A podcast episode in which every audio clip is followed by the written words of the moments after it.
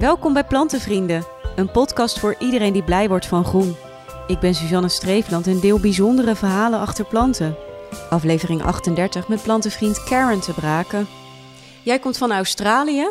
Ja, klopt. Ben je dan altijd al opgegroeid met groen en natuur om je heen? Ja, ja uh, ik kom uit een. Ik vergelijk eigenlijk de wijk waar ik vandaan kom met de wijk waar ik nu woon. In Schiebroek in Rotterdam. Dat is ook een hele ja, groene wijk net buiten een grote stad. En ik kom uit een wijk uh, naast uh, Perth, dus de hoofdstad van West-Australië. En grappig genoeg um, heet de wijk waar ik opgegroeid ben Netherlands. Dus niet Nederland, maar Netherlands. Ja, dat is gewoon toevallig. En ja, heel groen. Onze grote achtertuin, voortuin. Iedereen heeft ja, naast de stoep zeg maar ook nog een hele grote groene strook aan beide kanten van de weg. Dus ja, overal groen. En je had er ook altijd al wel iets mee? Ja, zeker. Um, ik denk ja, alle kinderen die in Australië zijn opgegroeid, zijn sowieso, vind ik, meer met de natuur bezig dan hier in Nederland. Um, ik weet bijvoorbeeld, ja, niet de wetenschappelijke namen, maar veel meer namen van bomen en bloemen dan denk ik dat mijn eigen kinderen van 10 en 14 weten hier in Nederland. Durf ik te zeggen dat ik dat vroeger veel meer wist dan zij nu. Um, en je, ja, het is daar echt al meer aanwezig. Dus uh, alleen al als je wakker wordt ochtends. Wij woonden op de, zeg maar, we hadden verdieping, tweede verdieping. En s ochtends werd ik wakker van het geluid van kookaburras. Want die komen dan lekker ergens hoog een beetje zitten en die gaan dan lachen. Zoals iedereen dat weet. Ik weet niet, tenminste, ik weet dat. En um, dus je bent veel meer bezig met de, met de geluiden van de natuur ook. En daar zitten natuurlijk ook vogels bij, maar ook uh, bomen. En um, toen ik de voorbereiding deed voor, voor vandaag, werd ik toch een beetje emotioneel. Want ik mis het gewoon. Ik mis um, de geuren vooral en de geluiden.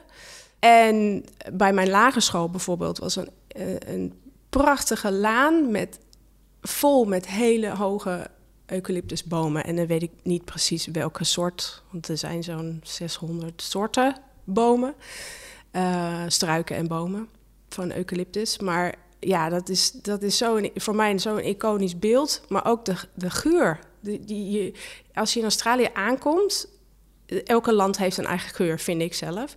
Maar de geur van eucalyptus is, is gewoon een van de meest uh, ja, voorkomende geuren die je ruikt zodra je uit het vliegtuig stapt, letterlijk.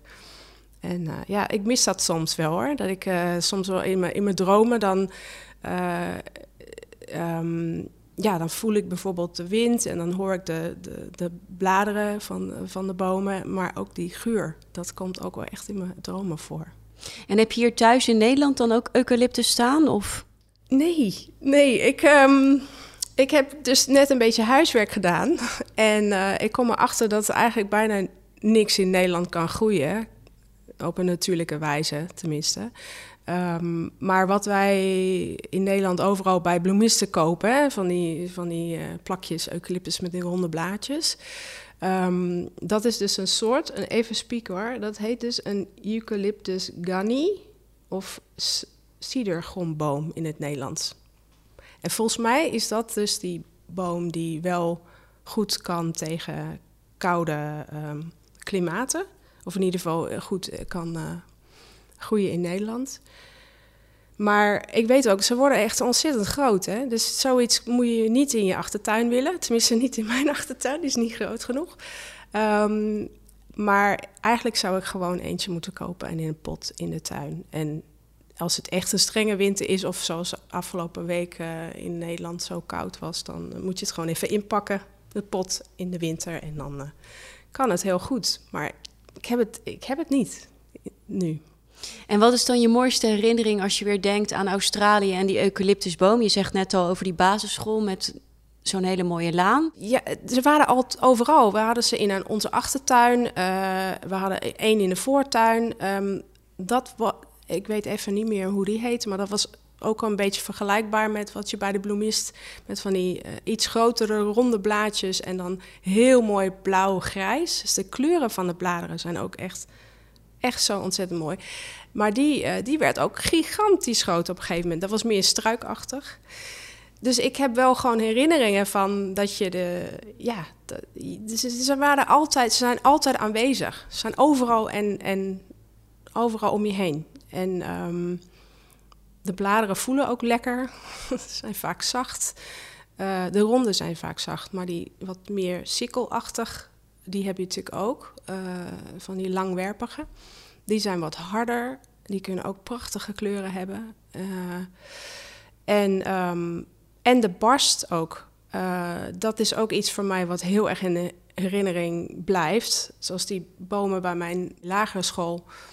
Um, die hadden ja, wit, grijs, lichtbruin. Het is echt een soort van pastelachtige kleuren. Um, en dat herinner ik ook heel goed. En wij mochten dus ook niet bijvoorbeeld aan de barsten zitten. Je moet dat gewoon lekker zijn gang laten gaan. De meeste soorten, dat barst, dat valt vanzelf af. Het vervelt, zeg maar. Maar er zijn ook soorten waar, net zoals in Nederland, dat de barst zeg maar groeit en je krijgt zeg maar kringen. Maar um, Australische um, eucalyptusbomen, die worden ook vaak stringy barks genoemd. Omdat de, ja, dat ja, dat zijn echt van die langwerpige stengels en, en, en stukjes die eraan hangen. En um, dat is ook een heel typisch ding wat je ziet aan een eucalyptus. En ik vind het super mooi. Ik vind de kleuren heel mooi. Maar ook de, de, de zaadjes en de nootjes die er afkomen, die zijn heel hard. En um, dat is ook voor een reden. Ze zijn natuurlijk ge, gemaakt, er worden heel veel bosbranden in Australië. En natuurlijk nog, nog veel erger nu door uh, opwarming uh, van de aarde. Um, wij hebben als kinderen ook heel erg geleerd, zelfs toen in de jaren tachtig, uh, geleerd om nooit, zelfs niet eens een, een, stuk glas mee te nemen in het bos of ergens. Want dat, als je een, iets laat liggen, dan kan het ook gewoon een brand veroorzaken. En, uh, en zelf vuurtjes maken al helemaal niet. Dat, wordt gewoon, ja, ik denk dat het nu nog, nog veel strenger is. Maar zelfs in mijn tijd was dat ook, uh, ook zo. Want ja, die bossen zijn heel erg droog. En, uh, en de bomen zijn heel erg brandbaar. Niet alleen door al de barst wat overal ligt, maar ook door de olie wat in de blaadjes zitten eucalyptusolie, wat natuurlijk ook wel een uh, heel bekend uh, middel is. Um, maar die olie die kan, is, is, heb ik gelezen, geleerd dat het um, als het 30 graden is of heter, uh, dan is het echt zeer brandbaar. Dus hoe, hoe heter de dag is, is het, ja, dat is natuurlijk ook wel een soort van logisch, maar het wordt nog extra erg voor de bosbranden door de olie in de, in de bladeren. En die nootjes, wat wilde je daarover zeggen? Wat betekent dat? Oh ja, dus die, de, die zijn dus heel hard. Um, uh, de, uh, er zitten zaadjes in, zeg maar. Um, en die zijn zo hard en zo goed beschermd dat die heel goed tegen vuur kunnen. Um, uh, of sterker nog, er zijn ook soorten waardoor ze vuur nodig hebben om te openen, waardoor de zaadjes dan loskomen. Dus een Australische bos heeft ook brand nodig. Het is eigenlijk een soort van natuurlijk uh, verschijnsel. Dat ze inderdaad door de brand pas dan open gaan en pas dan kunnen de zaadjes eruit, zeg maar. En kunnen ze zich verspreiden en voortplanten. Ja, precies. Ja. En, um, maar ze zijn daardoor ook wel heel bijzonder van vorm en uh, heel erg mooi ook. Uh, en de bloemetjes zijn ook een soort van beschermd in een heel klein uh, pakketje. En daar zit een soort dekseltje op en die gaat dan open. En, en dan het bloemetje die, die verspreidt zich. En uh, dat is uh, ook voor kunstenaars al sinds lange tijd in Australië echt een bron van inspiratie om te tekenen en verhalen over te maken. En ik heb natuurlijk een plantenbiep. Heb je nog een stekje meegenomen? Ik ben, ik ben vergeten. Nou, maakt niet uit. We zetten wel een pilea neer. Waar hoop je dan dat die terecht komt? Dat is een goeie. Um, nou, ik hoop wel bij iemand die nog geen pilea heeft. Die ook gewoon dat, dat denkt van, oh ja, die, die mis ik nog wel. De plantenbieps die zijn te vinden op plantenvrienden.nl. En op Instagram deel ik de updates van alle stekjes die mijn gasten weggeven in deze podcast. Heb je zelf een verhaal te delen? Dan kan je dat mailen naar podcast.plantenvrienden.nl.